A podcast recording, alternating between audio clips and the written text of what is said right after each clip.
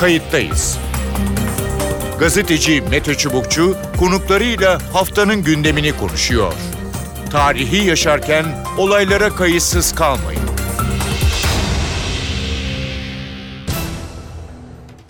İyi günler. Bir kayıttayız programıyla daha karşınızdayız. Tarihe ışık tutmak ve olan biteni anlamak için önümüzdeki dakikalarda sizlerle birlikte olacağız.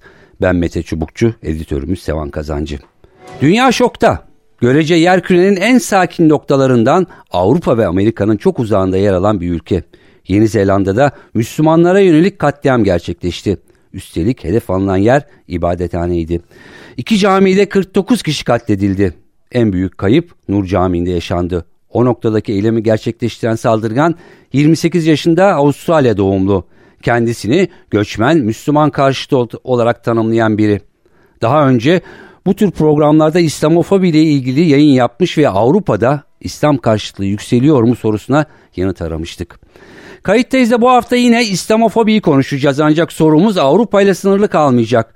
Dünya genelinde İslam karşıtlığı, göçmen karşıtlığı, yabancı karşıtlığı neden tırmanıyor? Buna dönük neler yapılabilir? Liderlere düşen görevler neler? İki konumuz olacak. İlk konuğumuz Profesör Samim Akgönül. Samim Akgönül Strasbourg Üniversitesi öğretim üyesi. Hoş geldiniz programımıza.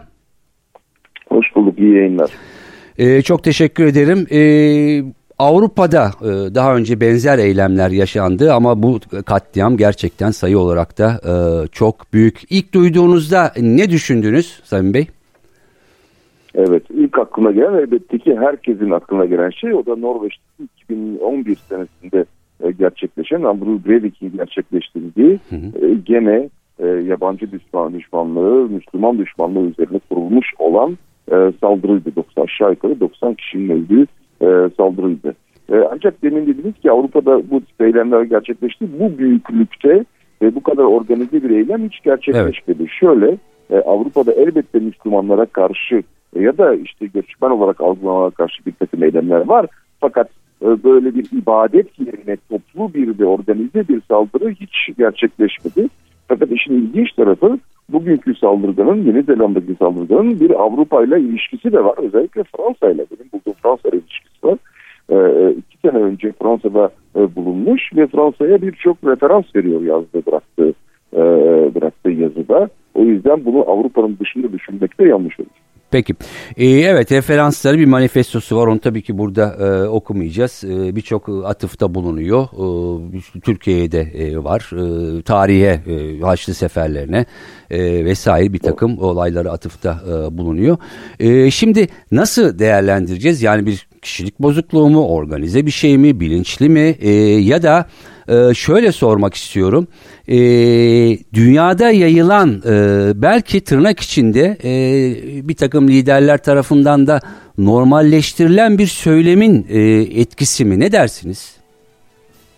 Evet doğru. Ee, birincisi şunun altına çizmek gerekli. Her e, Müslümanların yaptığı, kendilerini Müslüman olarak nitelendiren insanların yaptığı her saldırıyı organize olarak nitelendirip beyazların Müslümanlara karşı yaptığı her saldırıyı e, işte yalnız kurt, tek başına e, akıl hastası olarak da nitelendirmek elbette burada bir söylem ayrımcılığı da var. Bu Hı. saldırı açıkçası görüldüğünü bildiğimiz kadarıyla gayet organize, bilinçli bir şekilde hazırlanmış, birkaç kişinin yardımı alınmış, örgütlü bir e, bir saldırı. Yani bir yalnız bir olay olarak küçümsenecek bir durum değil. değil. Bu aynı şey Andrei Breivik için de geçerliydi. Yani onun da yalnız bir kurt olduğu, akıl hastası olduğu, aklı dengesinin yerinde olmadığı söylendi ve gerçekten tek başına şu anda e, ceza, e, ceza çekiyor. O yüzden bunun ortamını, kontekstini ve organizasyonunu iyi anlaşma, e, araştırmak lazım. Hı. İkinci nokta şu, ben her zaman yazılarımda ve söylediklerimde şu ayrımın yapılmasının altını istiyorum. Bütün batı toplumlarında ki Yeni Zelanda da bu toplumlara dahil bir toplum iki şeyi birbirinden ayırmak gerekiyor. Bir taraftan bir İslamofobi olarak nitelendirebilecek bu tip olaylar var. Yani gerçekten evet. İslam dinine ve sembollerine, camilere, mezarlıklara, derneklere yapılan e, fiziksel saldırılar ya da sözlü saldırılar. Diğer taraftan da benim Müslümanofobi olarak nitelendirdiğim günlük hayatta e, e, Batı toplumlarında Müslüman olarak algılanan yani ille Müslüman olmaları gerekli değil ama öyle algılananlara karşı yapılan ayrımcılıklar iç dünyasında, okulda, eğitimde ya da sokakta yapılan ayrımcılıklar. Bu ikisi birbirini besliyorlar. İkisini ayırmak lazım. İkisini ayrı e, birbirini ilgilendirmek lazım, incelemek lazım fakat ikisi birbirini destekliyorlar. Size son söylediğinizde de has verdiğimi söylemek isterim. Hı. O da doğru. Ee, eskiden aşırı sağ olarak dediğimiz söylemler hem Müslüman dünyasında hem de Batı toplumlarında artık iyice merkeze gelmiş söylemler. Zaten son saldırganda Fransa e, e, bulunduğu dönemlerde Cumhurbaşkanlığı kampanyasının olduğunu ve bu Cumhurbaşkanlığı kampanyasında kullanılan söylemlerin merkezde kullanılan söylemlerin gayet de e, aşırı sağ olarak nitelendirilebilecek siyasal akımlara söylenebilen şeyler olduğunu e, gösteriyor bıraktığı e, bıraktığı manifesto, e, manifesto. O yüzden de bütün Batı toplumlarında ve Doğu toplumlarında hı hı. Bu ayrım, bu iki dünya, bu medeniyet çatışmasının gerçekleşmesi gerçekten bütün bu toplumlar için orta vadede büyük bir tehlike. Evet yani e, uçlardan e, daha ortaya bizim mainstream dediğimiz e, normal bir e, seçmene yönelik söylemde e, tabii ki herkesin eyleme kalkması e, gerekmiyor e, ama sonuçta e, bilinçaltına itilen e, bir takım propagandayı hem, hem bilinç hem bilinçaltına hem de bir e, bir meşrulaştırma e, çerçevesi oluyor. Yani hem Doğu toplumlarında Müslüman ağırlıklı toplumlarda hem de Batı toplumlarında merkezdeki e, politikacıların merkezdeki politik siyasal söylemin bu kadar sertleşmesi ve bu kadar e, iki dünya üzerine e, kurulmuş olması e, bugünkü terörist gibi ya da Fransa'daki olaylar gibi ya da Andrew Breivik gibi insanlara bir meşru çerçeve sağlıyor.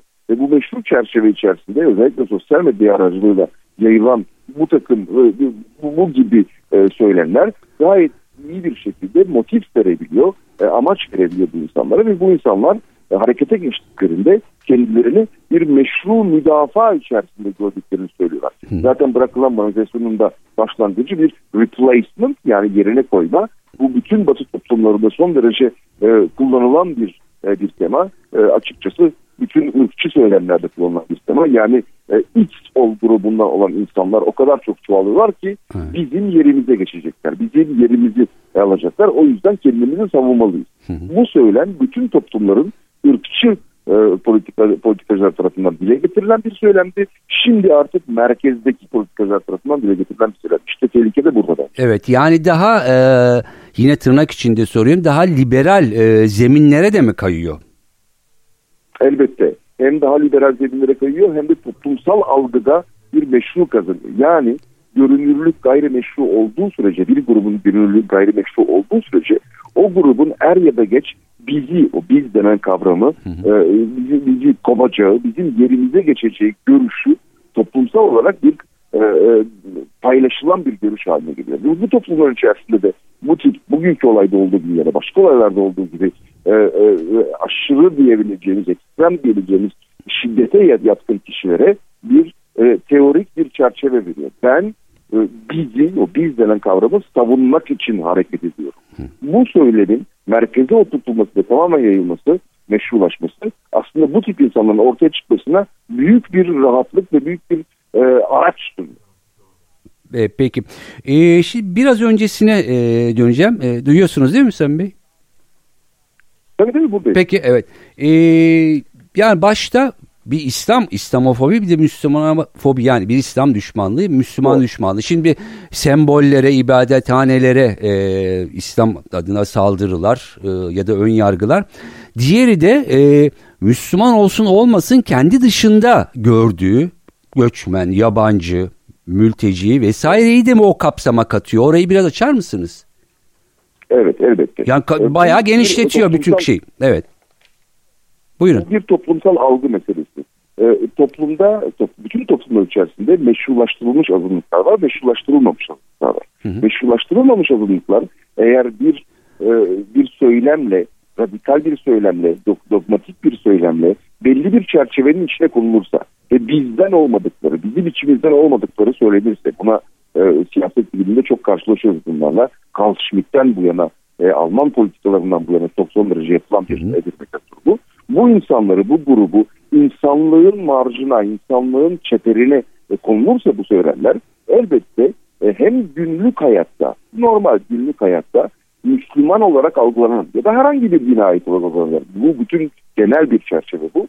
İnsanların ayrımcılığa uğraması, hakarete uğraması, e, günlük hayatlarının zorlaşması meşrulaştırılıyor. Diğer taraftan da bu genel söylemin içerisinde bu demek değildir ki bu ayrımcılığı yapan insanların hepsi gidecekler bir e, camiye bomba koyacaklar ya da bir kiliseye bomba koyacaklar. Ama bu toplumların içerisinden böyle sivri insanlar, e, şiddete yönelik insanlar çıkıp kendi hareketlerini meşrulaştırıyorlar. Bu iki söylem ayrı söylem. Hı. Bu iki fenomen birbirinden ayrı fenomenler fakat birbirlerini besleyen fenomenler.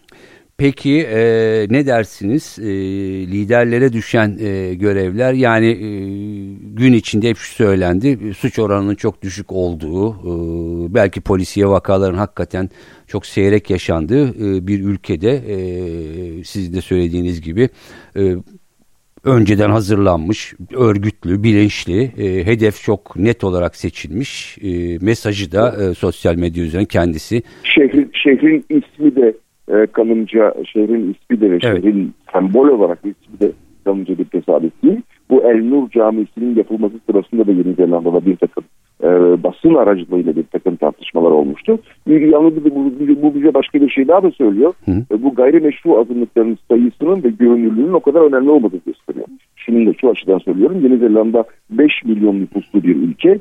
İçinde, içindeki Müslümanların %1'den azı, nüfusun %1'den azı ve bunların yarısından evet. çoğu da sekülerize olmuş Müslümanlar. Yani söz konusu olan e, grup, söz konusu olan insanlar, evet. Müslüman görünürlüğü olan insanlar çok küçük, minicik binlerle belki bir 10 binle, 15 binle e, e, nitelendirilebilecek bir insan. Hı. Ancak bir grup gayrimeşru olursa global olarak gayrimeşru olursa elbette bu tip şeylere e, olanak sağlanıyor.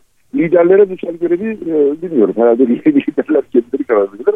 Ama eğer bir toplumda ne kadar ayrıştırıcı bir dil kullanılırsa ve ne kadar belli bir grup toplumun çeperine konup devamlı bir kriminalize e, söylem kullanılırsa elbette o toplumlardan şiddete yönelik e, kişiler çıkacaktır.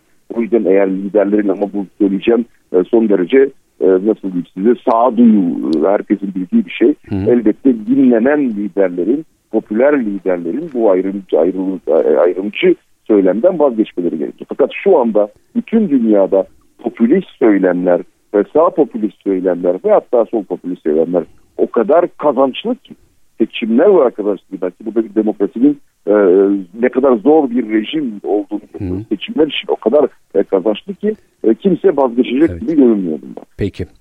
Ee, Profesör Samma Akgönül çok teşekkür ediyorum programımıza katıldığınız ben ve görüşlerinizi bizle paylaştığınız için. Ee, ikinci konuğumuz telefon hattında Do Doktor Eray Güçler, Eray Güçler Altınbaş Üniversitesi öğretim üyesi. Ee, hoş geldiniz programımıza. Teşekkür ederim. İyi yayınlar diliyorum efendim. Ee, ilk konuğumuzda işin biraz e, sosyolojik e, boyutu, siyasal e, zeminini e, konuşmuştuk ama e, çok ciddi bir katliam var, çok ciddi bir terör saldırısı e, var e, Müslümanlara karşı, bir camiye karşı. E, biraz işin e, terör boyutuyla, e, çünkü gün boyunca haberlerde de e, yer aldı. E, söz konusu ülke Yeni Zelanda e, aslında çok fazla kriminal olayların, e, cinayet olayların olmadığı yani bir takım suç oranlarının düşük olduğu bir e, ülke. Acaba bu tür e, ülkeler e, bir takım e, muhtemel saldırıları e, küçümsüyor mu ya da böyle bir e, rahatlama içinde mi oluyorlar? Nasıl oluyor? Bu tip insanlar nasıl takip edilir? Ne dersiniz? Buyurun.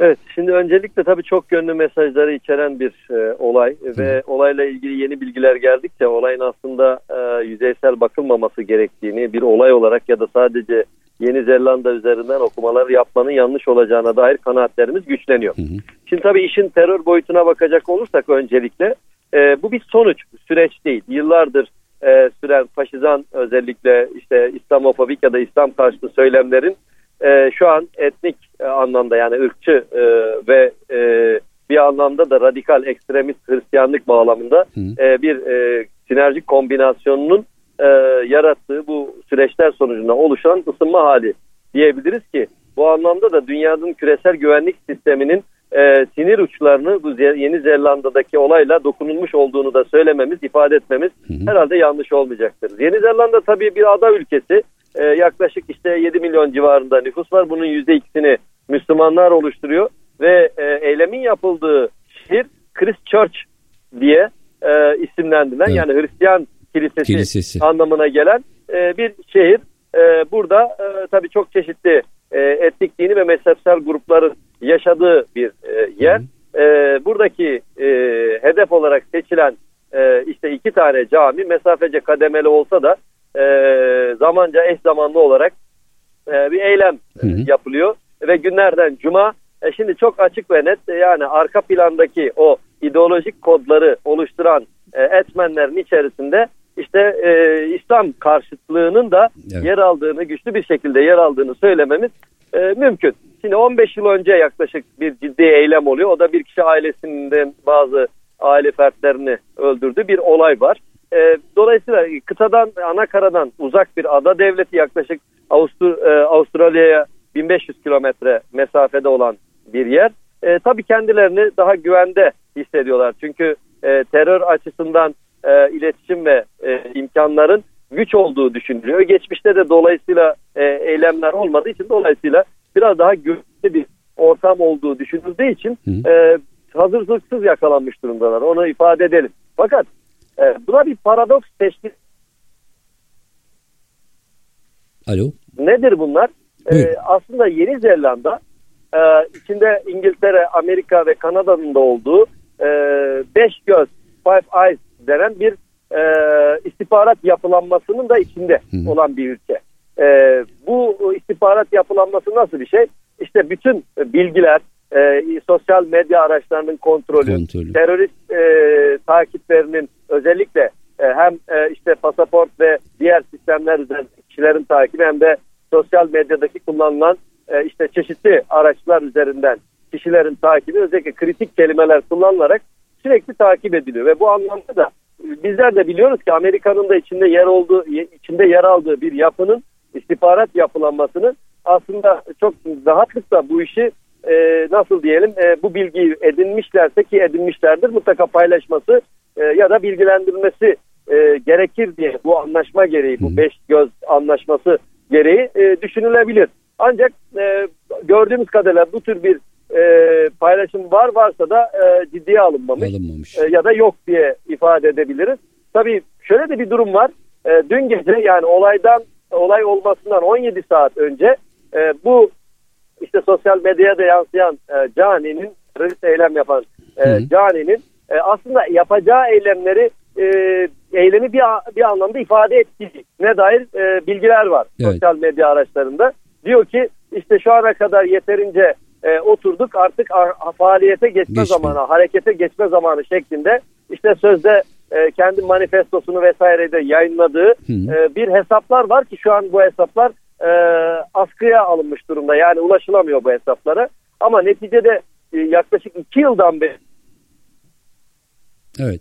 dair yine bu şahsın dünyanın pek çok ülkesini gezdiğine dair e, bir e, bilgiler mevcut. Mevcut. Hani nasıl oluyor da böyle bir istihbarat ağının içinde yer alan Yeni Zelanda'dan e, bu istihbarat ağının bunu atlamış olduğunu gerçekten hani e, anlamak biraz e, en azından şu anki bilgilerle çok mümkün görünmüyor. Peki. Efendim tabii eylem sürecine biraz baktığımızda Hı hı. eylem e, bir, bir e, olayın ya da şiddet eyleminin terör olup olmadığını üç ana unsurda incelenir. Birincisi e, örgüt var mı yok mu? Evet bir birden fazla kişi var ve bir örgüt var. Evet. E, pardon.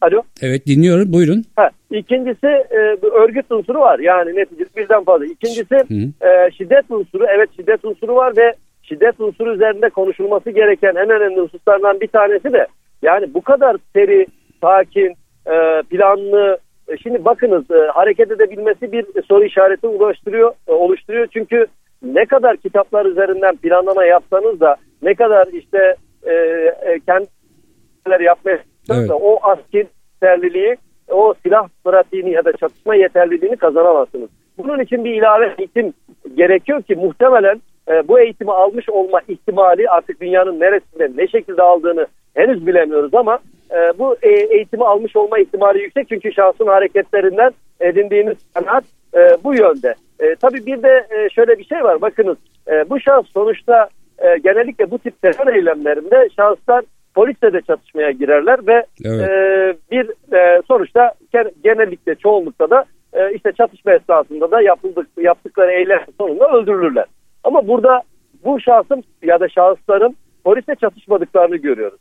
Yani şimdi Evet. o polisle çatışmama hali e, geçmişteki o birikimin e, yani sürecin aslında bundan sonra da devam ettirilebilme noktasında kendilerini kahramanlaştırma yönünde bir gayret olduğu şeklinde de yorumlanabilir. E, o zaman bunu şöyle de okumak lazım. E, özellikle son e, bir yol, yıllarda e, artan bu faşizanlık, e, faşizan tarzı söylemler, İslamofobik ya da İslam karşı söylemlerin dünyayı ısıtma halinin bundan sonra bu olayla domino etkisi de başka yerlere sıçrayabilme imkanı ya da müm- e, mümkünatı olduğunu da Evet. göz ardı etmememiz lazım. Üçüncü unsur da ideolojik unsur. E, baktığımızda hem e, radikal İslami e, radikal e, Evet.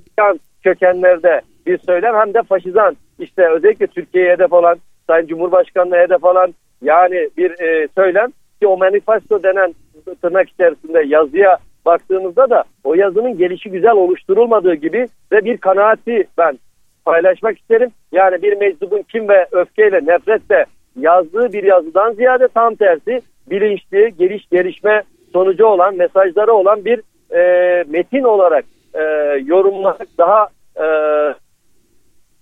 Evet. gibi kim ve nefretle değil daha planlı, soğukkanlı bir şekilde yazılmış bir şey. E, dolayısıyla bunlar aslında dünyada akademik literatürde de e, critical discourse analysis dediğimiz e, yani eleştirel söylem analizi yöntemleri kullanılarak yapılıp yapılmadığının da araştırılması gereken eğer böyleyse de bu şahsın üzerinde bir e, unsurların ya da arkadaki derin yapıların e, bağlantılarının araştırılmasına yol açabilecek bir süreçte karşı karşıyayız. Karşıyayız, evet. Bunu da ifade etmek isterim. Evet yani e, dünya e, tedbirini alması gerekiyor. Çok hafiflenecek bir şey değil. E, 50'ye yakın insan e, katledildi e, ve bunun e, artık sizin de söylediğiniz gibi dünya güvenlik sisteminin yani bu sinir uçları harekete e, geçirecek bir e, saldırı e, dolayısıyla yeni önlemler gerekiyor. Çok teşekkür ediyorum.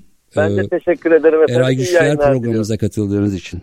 Kayıttayız da Yeni Zelanda katliamı e, nedenlerini, e, sosyolojik, siyasal boyutu, terör boyutu, ideolojik boyutunu e, ele aldık. Ancak gerçekten şiddetle kınanılacak bir katliam. Kayıttayız bu hafta kapatmadan önce Profesör Beril Dedioğlu'yla e, ilgili bir anons yapmak istiyorum. Hayatını kaybetti. Biliyorsunuz Profesör Dedeoğlu hem kayıttayız'a hem e, NTV'de yaptığımız pasaport programının e, çokça konuğu olmuştu kendisine. Allah'tan rahmet diliyoruz. Ailesine de sabırlar e, diliyoruz. Evet kayıttayız'dan e, bu haftalık e, bu kadar. Ben Mete Çubukçu editörüm Sevan Kazancı. Önümüzdeki hafta farklı bir konuda tekrar birlikte olmak amacıyla hoşçakalın. Kayıttayız. Gazeteci Mete Çubukçu konuklarıyla haftanın gündemini konuşuyor. Tarihi yaşarken olaylara kayıtsız kalmayın.